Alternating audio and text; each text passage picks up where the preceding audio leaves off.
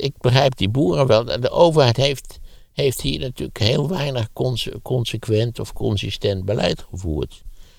eerst was het allemaal geweldig wat de boeren deden. Modernste landbouw ter wereld, meest productieve landbouw ter wereld. Ja, en nu blijkt natuurlijk dat we volledig de bocht uitgeschoten zijn. Hè? Het is eigenlijk Max Verstappen die met zijn, met zijn racemachine eigenlijk op de boulevard in Zandvoort terechtgekomen is. Het verlossen, kunt u mij horen?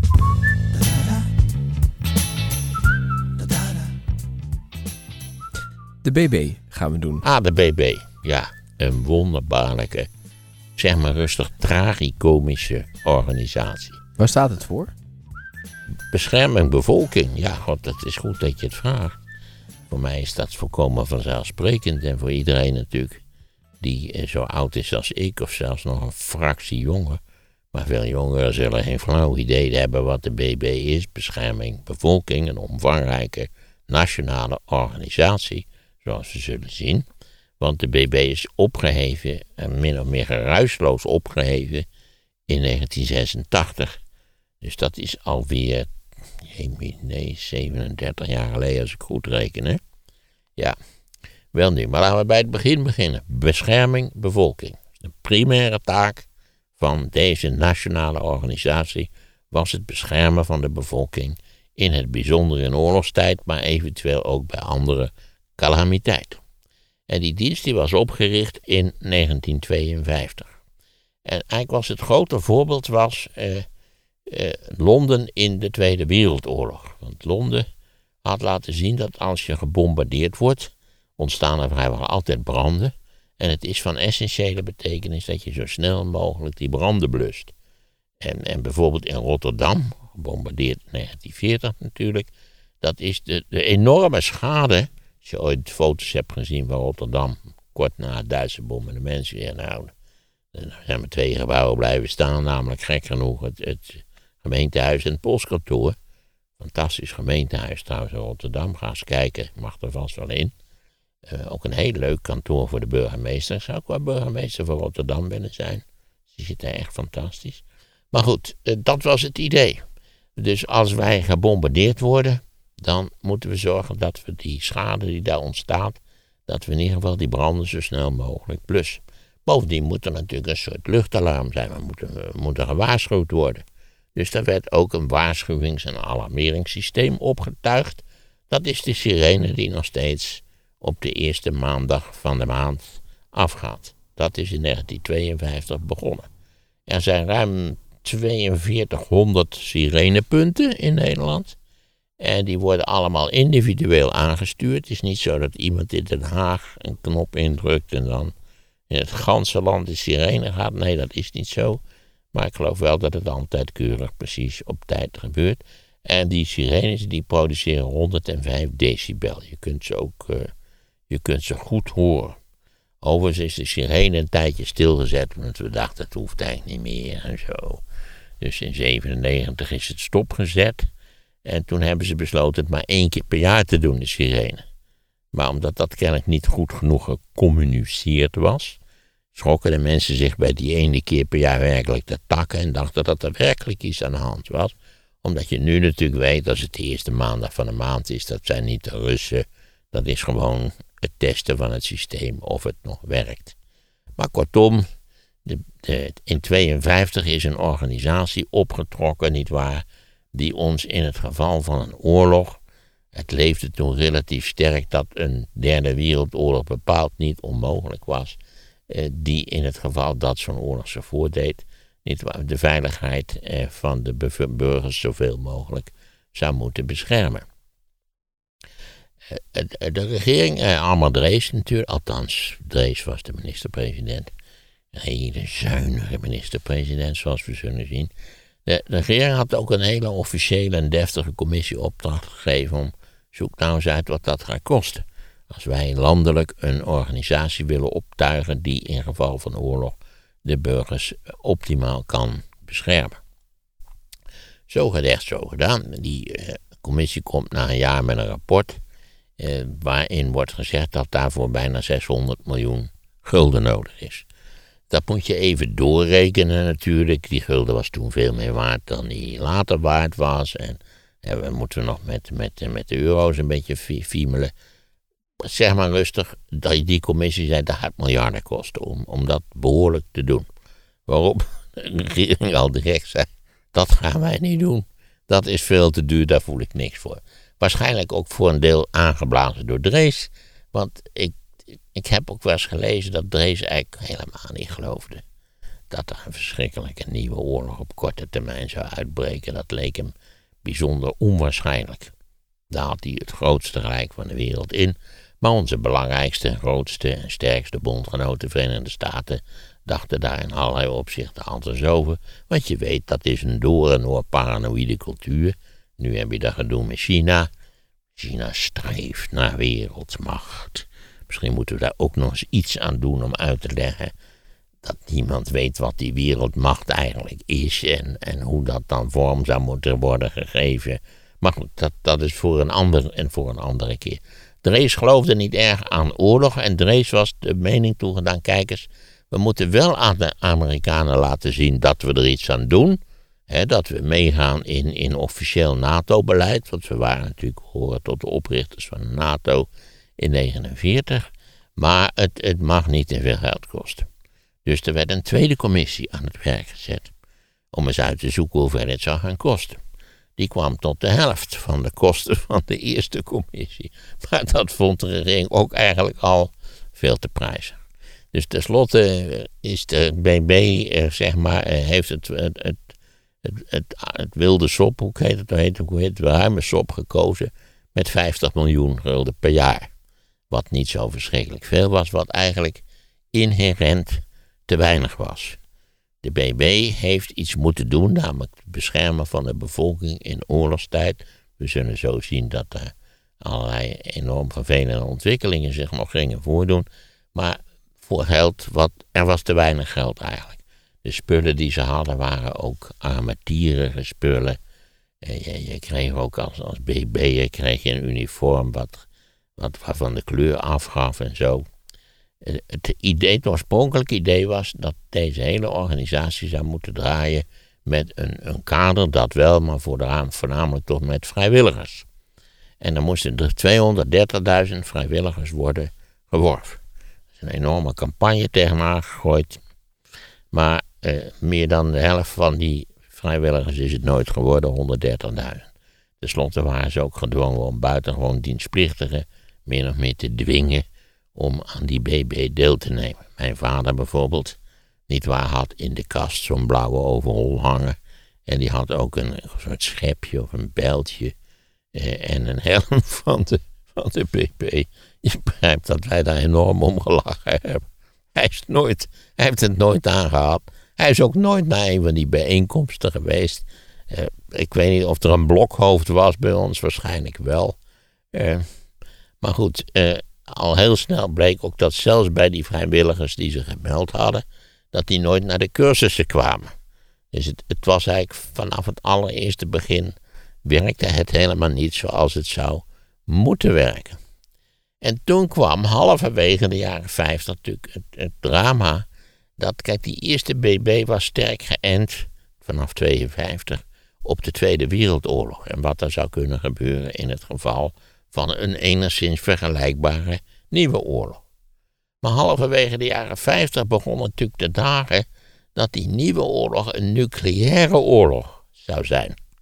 En iedereen wist en had ondertussen wel eens gelezen wat Nagasaki en Hiroshima overkomen was in augustus 45. Als je die foto's ooit hebt gezien, dan weet je dat is dramatisch. En als je dan ook nog weet dat dat relatief hele kleine bommetjes atoombommen waren. 18, 19 kiloton, iets in die geest in ieder geval.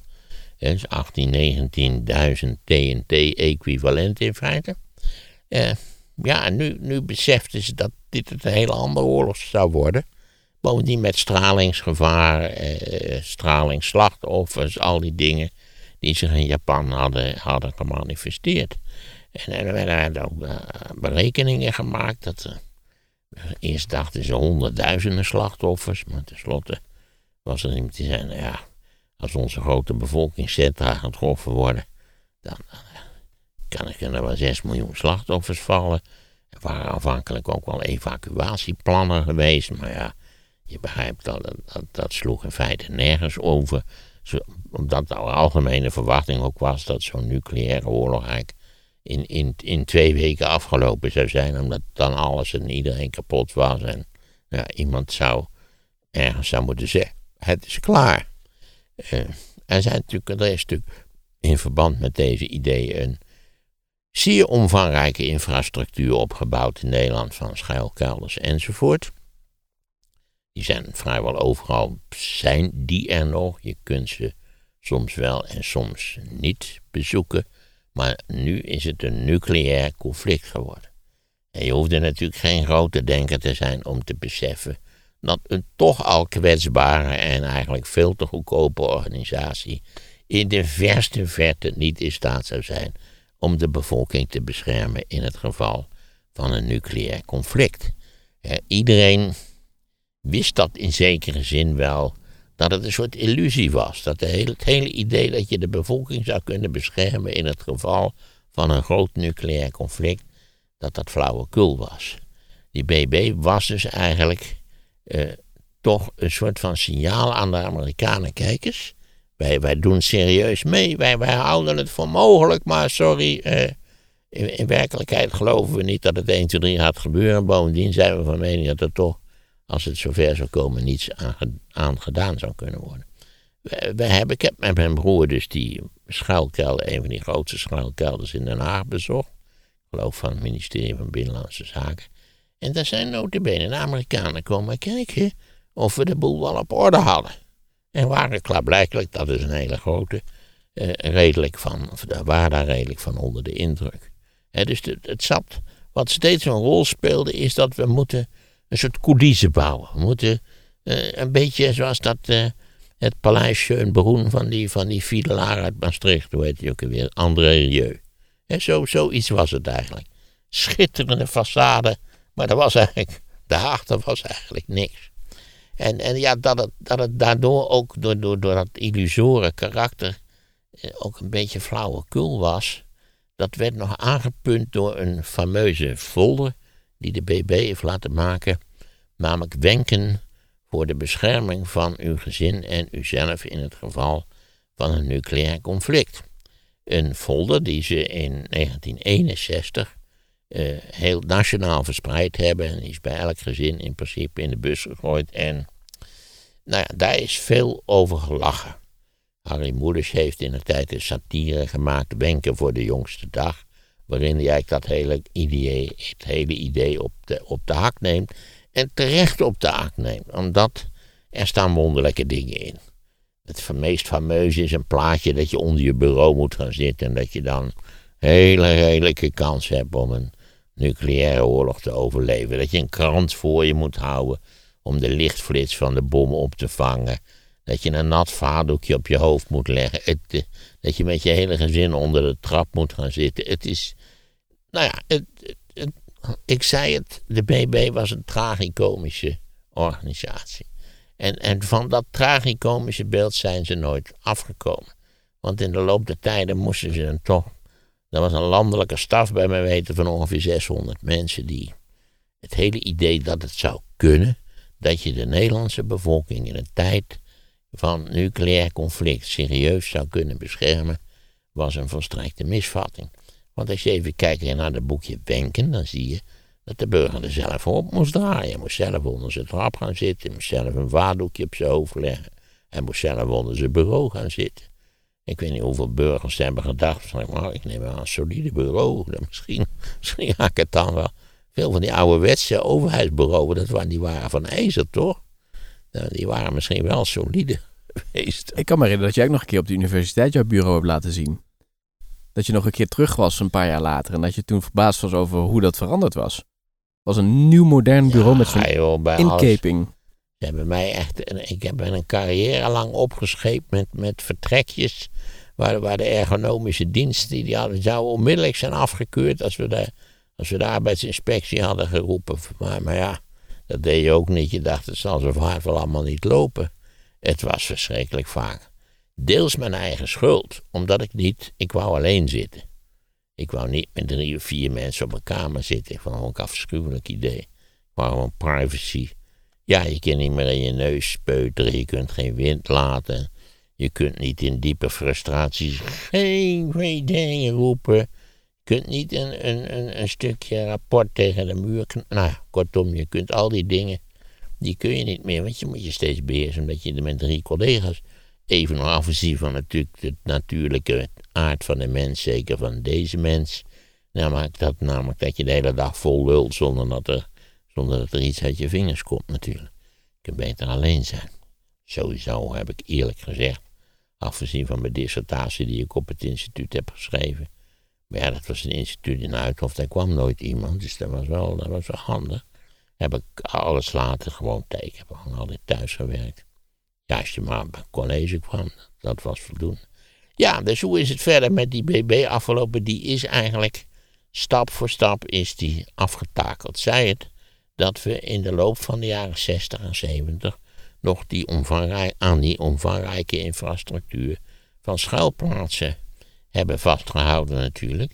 Maar dat waren eigenlijk noodvoorzieningen. In de zin dat, dat ze bestemd waren voor de bestuurlijke elite. Ook die schuilkelders in Den Haag, daar konden er 200 topambtenaren in.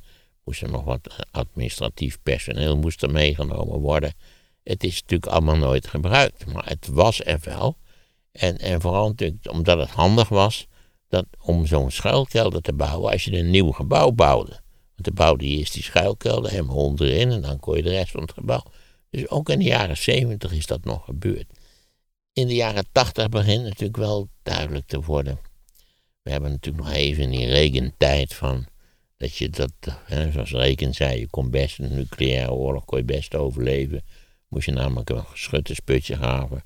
En dan moest je de keukendeur uit het hengsel richten en die moest je eroverheen leggen. Nou, dan zat het wel goed met. Bij al die schuilplaatsen natuurlijk was natuurlijk het. Wat gebeurt. Je hebt er twee weken in gezeten, was meestal zo'n beetje de termijn was twee weken. En dan kwam je boven weer. En, en daar was dus alles weg en kapot in het geval van een nucleair conflict. Denk aan Hiroshima. Hè. Wat, wat altijd vergeten werd bij nucleaire oorlogssituaties, is natuurlijk dat alle hulpverleners ook dood waren.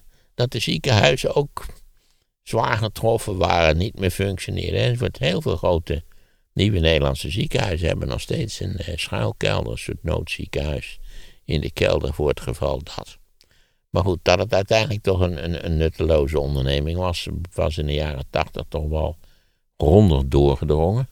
En toen eh, is het in 86 opgeheven. Tragisch genoeg, het personeel wat er nog was, moest dat op de radio horen. Die hadden geen briefje gekregen van zeg, je moest er klaarmaken voor iets verschrikkelijks, maar we gaan stoppen met de BB. Eh, maar goed, het, het geluidssignaal is er nog van de het was de waarschuwings- en alarmeringssysteem wat we hadden opgetuigd.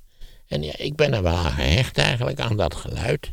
Ik, het is wel een soort geluidsmonument wat naar mijn idee gecontinueerd moet worden. Want het doet ons toch ook denken aan die wonderlijke tijd. En dan is natuurlijk meteen de vraag, gaan we nu ook weer op weg naar een nucleaire oorlog, Poetin en zo. Nou ja, ik geloof dus van niet, maar met voorspellingen moet ik ondertussen voorzichtig zijn. Maar de BB is dus een, een, bij uitstek een zonderlinge situatie, omdat die eigenlijk opgetuigd is aanvankelijk omdat ze dachten dat het wel zou kunnen helpen. Terugdenkend aan de Tweede Wereldoorlog. Vervolgens kwamen ze te zitten met het onoplosbare probleem van een nucleair conflict. Maar het was een, een illusie niet waar, die ze in stand hielden om ook de bondgenoot duidelijk te maken, we zijn erbij, we doen mee, we nemen het hartstikke serieus, maar dat deden ze dus eigenlijk niet. Het was een coulisse, wat ik al zei. Het was een, de BB was een tragische illusie. Meer kun je er niet van maken. Maar we hebben wel dat fijne sirene moment eraan overgehouden. Kun je dat geluidsdingetje inmonteren? Ja, dat... moet kunnen, maar ik weet niet. Eh, Hoe klinkt dat? Ja, je kunt het niet nadoen, maar is het is anders dan dat we nu gewend zijn, toch? Of is het nog... Nee, hetzelfde geluid. Is hetzelfde geluid nog steeds? Oké. Het zijn wel meestal van die nieuwe sirenes. Het zijn van die, van die, van die platte dozen, drie boven elkaar. Precies. Het geluid is nog steeds hetzelfde. Ja, volgens mij wel. Ja. En wat we er dus nog van kunnen zien. Het is gewoon luchtalarm eigenlijk. Ja. En in Den Haag kunnen we dus nog die bunker zien. Daar kunnen we ook in. En die torentjes zijn er niet meer, zei hè? Jawel, die, en er waren 276 torens gebouwd in die jaren. Die werden bemand door mannen die moesten kijken of er Russische bommenwerpers aankwamen vliegen om ons te bombarderen. En, waarom moest dat nou door, door menselijke waarneming gedaan worden? Eh, omdat het idee was, de, de radar reikte maar tot 100 meter. Of in ieder geval onder de 100 meter eh, werkte de radar niet. Dus het idee was, die bommenwerpers zouden dan eh, met lager dan 100 meter aankomen vliegen. Hoe ze zich dan precies voorstelden, of ze dan al vanaf Rusland onder de 100 meter, want ja, je begrijpt een bommenwerper die op 75 meter hoog vliegt, dat is, eh, dat is A niet zo makkelijk voor de piloot en B nou ja, levensgevaarlijk in, in allerlei opzichten. Maar goed, die torens waren bemand door, meerdere mannen en die moesten dan, als het mocht er een, bommenwerper aankomen, ja, dat is natuurlijk nooit gebeurd, maar mocht er eentje aankomen, dan moesten ze naar een centrum bellen in Den Haag en daar stonden van die dames, wat je nog wel eens ziet bij de Battle of Britain, die dan zo'n vliegtuig moesten verschuiven op een kaart met zo'n stok, met zo'n duwstok. En we hebben twee van die bejaarde mannen geïnterviewd daar in Den Haag. die ene geloofde er nog wel in. Die zei van ja, nee, het was toch voor het vaderland. En had toch, vond het wel fijn dat hij toch iets kon doen voor het vaderland. Die andere zei, ik wist al toen al dat het volstrekte flauwekul was. En dat niet alleen. Tot onze stomme verwondering bleek dat die waarneming van die Russische bommenwerpers, dat deze geloof alleen smiddags of alleen s'avonds, maar dus het grootste deel van de tijd werd er helemaal niks waargenomen in feite. het was echt, nou ja, het, het, het, het is weer dat tragicomische aspect. Maar dus in Scheveningen staat nog zo'n torentje, eh, wat overigens prachtig gerenoveerd is. Want er is ook wel nu een programma, dus wat, wat laten we zeggen, de restanten van, van de Koude Oorlog in de breedste zin van het woord eh, zoveel mogelijk als monument in stand wil houden. En op wat voor plekken stonden die torentjes dan? Geen idee, maar die moesten redelijk verdeeld zijn over het hele Nederlandse grondgebied. Er waren, dacht ik, 176 van die waarnemingstorentjes. Maar er zijn er nu nog maar een stuk of tien. stonden die bovenop gebouwen, waren dat aparte dingen? Ja, of soms op kerktorens, soms waren ze apart. Uh, mijn, mijn broer vond de constructie, constructie interessant van die dingen die ze toen daarvoor gebouwd hebben. Nou ja, in Scheveningen staan ze heel hoog op het duin. Dus dan, eh, dan kun je, sta je ook wel wat 50 meter extra hoog. Maar het was, was zo koud. Waaide zo hard. Maar ja, dat is de bescherming bevolking. Een, een, een wonderlijke, tragische organisatie eigenlijk. Wel een interessant verhaal. Ja, daar, is daar wel een soort museumpje daar in de buurt van Den Haag. Dat kunnen mensen even opzoeken. En, en ja, dat, dat museumpje vangt eigenlijk, zonder waarschijnlijk ooit die bedoeling te hebben gehad, op een perfecte wijze de sfeer en de kleur en de aard der dingen in de vroege jaren 50. Want ik liep daar binnen. En het was net, het was net de DDR. De DDR, dat was ook eigenlijk de bevroren jaren 50 als het ware. Ook dat BB-museumpje. Waar in Den Haag is dat dan? Ja, dat zou ik op moeten oh. zoeken. Maar ik denk eens even in het BB-museum. Dat ja, ja, daar hebben we allemaal tegenwoordig het internet voor. Maar het was. De DDR was ook. Nou de, de, jaren 50 die. zeepdingetjes. Ja, mijn, mijn broer sloeg helemaal aan op de. op de, op de de. Hij beweerde dat het dat ouderwetse type vaatdoekje tegenwoordig niet meer te krijgen was. En er lag daar een hele grote stapel ouderwetse vaatdoekjes. Ook Sunlight zeep en, nou ja, uh, Lucifers van het jaar nul enzovoort enzovoort. Dus ik zei nog tegen mijn broers, hebben zo'n stapel vaatdoekjes. Je had er nou een, dan heb je weer een ouderwets vaatdoekje. Maar dat, uh, daar was hij te eerlijk voor. Kijk, ik zou rustig een vaatdoekje stelen, maar hij niet dus. En je had het ook nog over dat die Amerikanen langs waren gekomen. Ja, die waren nou te been in die reuze schuilkelder van het ministerie komen kijken. Die waren onder de indruk van wat we tot stand Maar was dat ter inspiratie of wilden ze het controleren? Nee, dat zat wel, begreep ik, van, de, van degene die ons rondleidde. Begreep ik, dat zat toch wel achter dat ze eens willen zien hoe wij het gedaan hadden. Of, of wij ook weer de zaak wel serieus namen. Ja, ja. je kon wel NATO-lid zijn, maar ook, ook de zelfverdediging, die deed er ook wat toe. Hmm.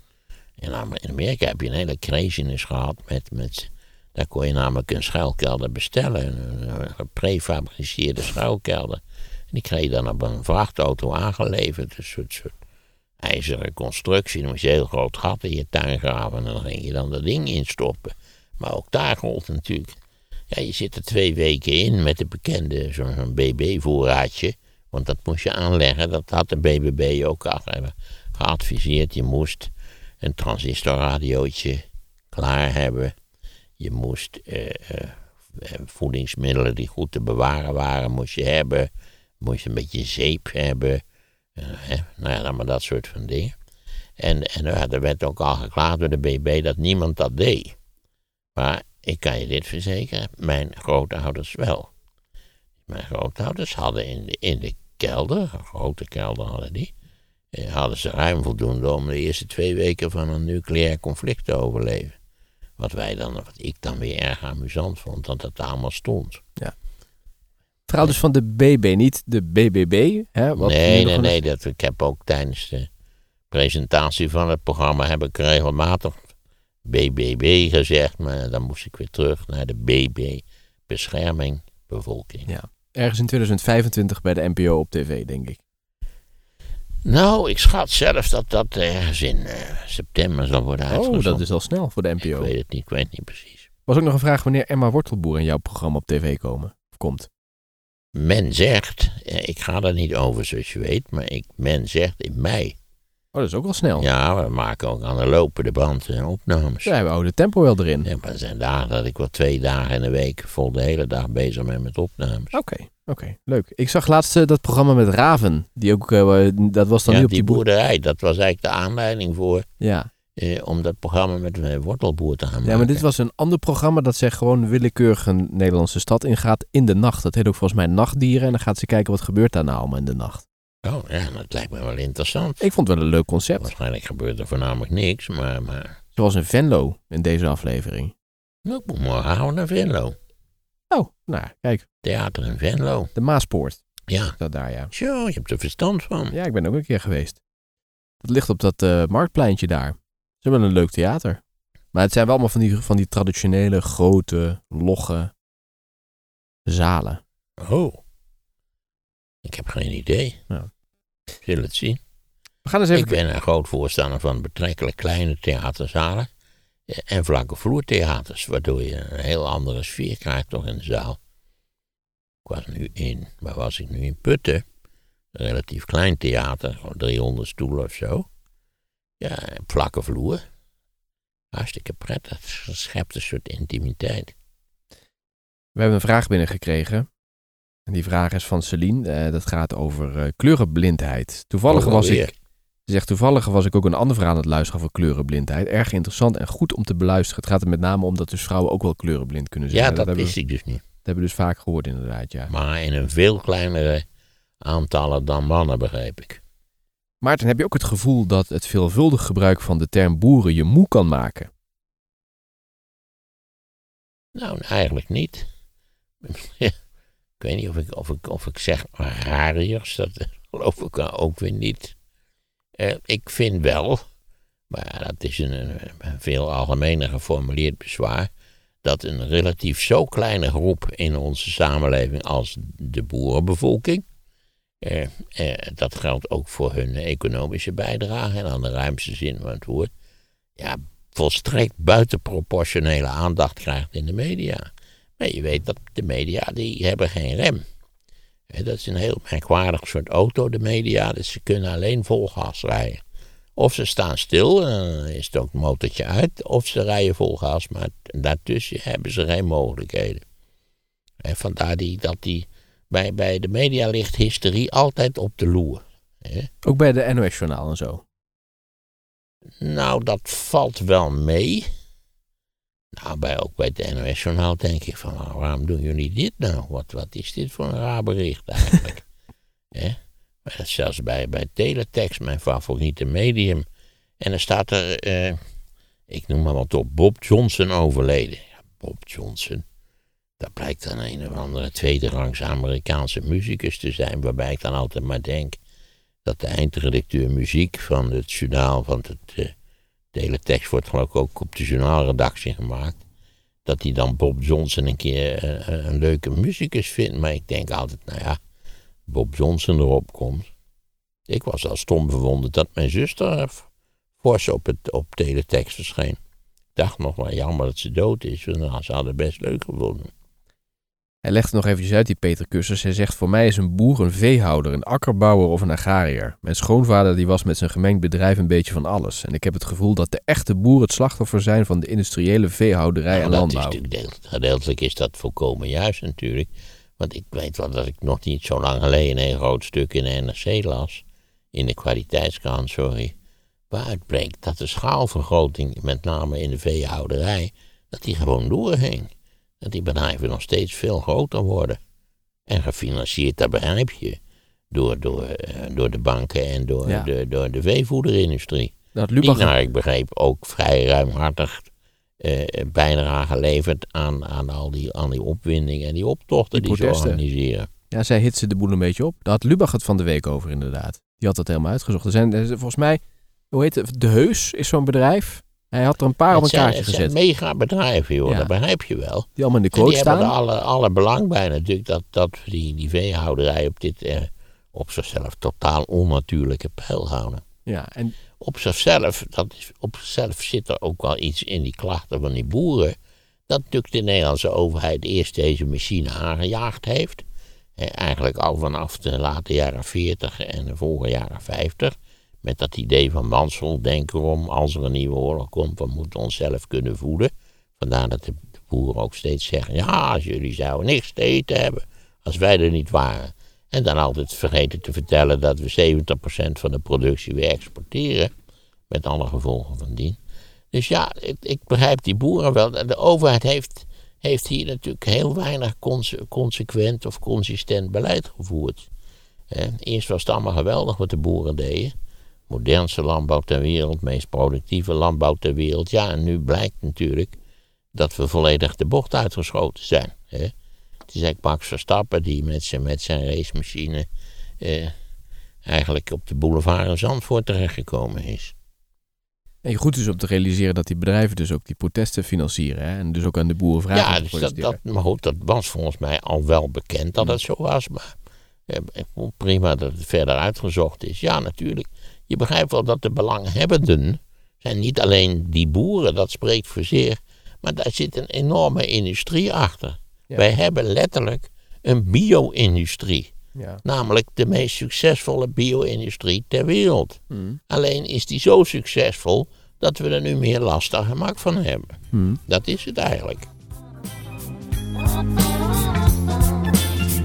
ADBB zeg maar rustig, tragicomische organisatie. Heb je de live podcast over de oorlog in Oekraïne gemist? Vervolgens word je eigenlijk uitgemaakt voor een randebiel die niet wist wat er aan de hand was.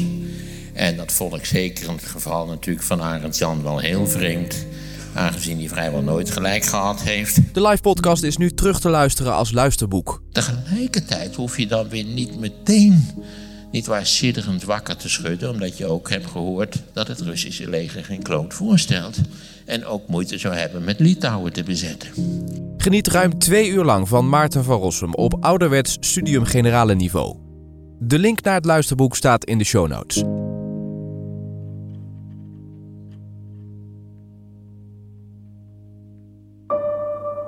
Je kent ze vast wel, oude Sleetse merken die er eigenlijk niet meer toe doen. Hoe maak je zo'n merk weer sexy? Daarover gaat het in een nieuwe aflevering van de podcast Sea Level. De link die staat in de show notes. En wil je weten wat podcasting voor jou kan betekenen? Kijk dan op streamy.audio. Streamy met een Y.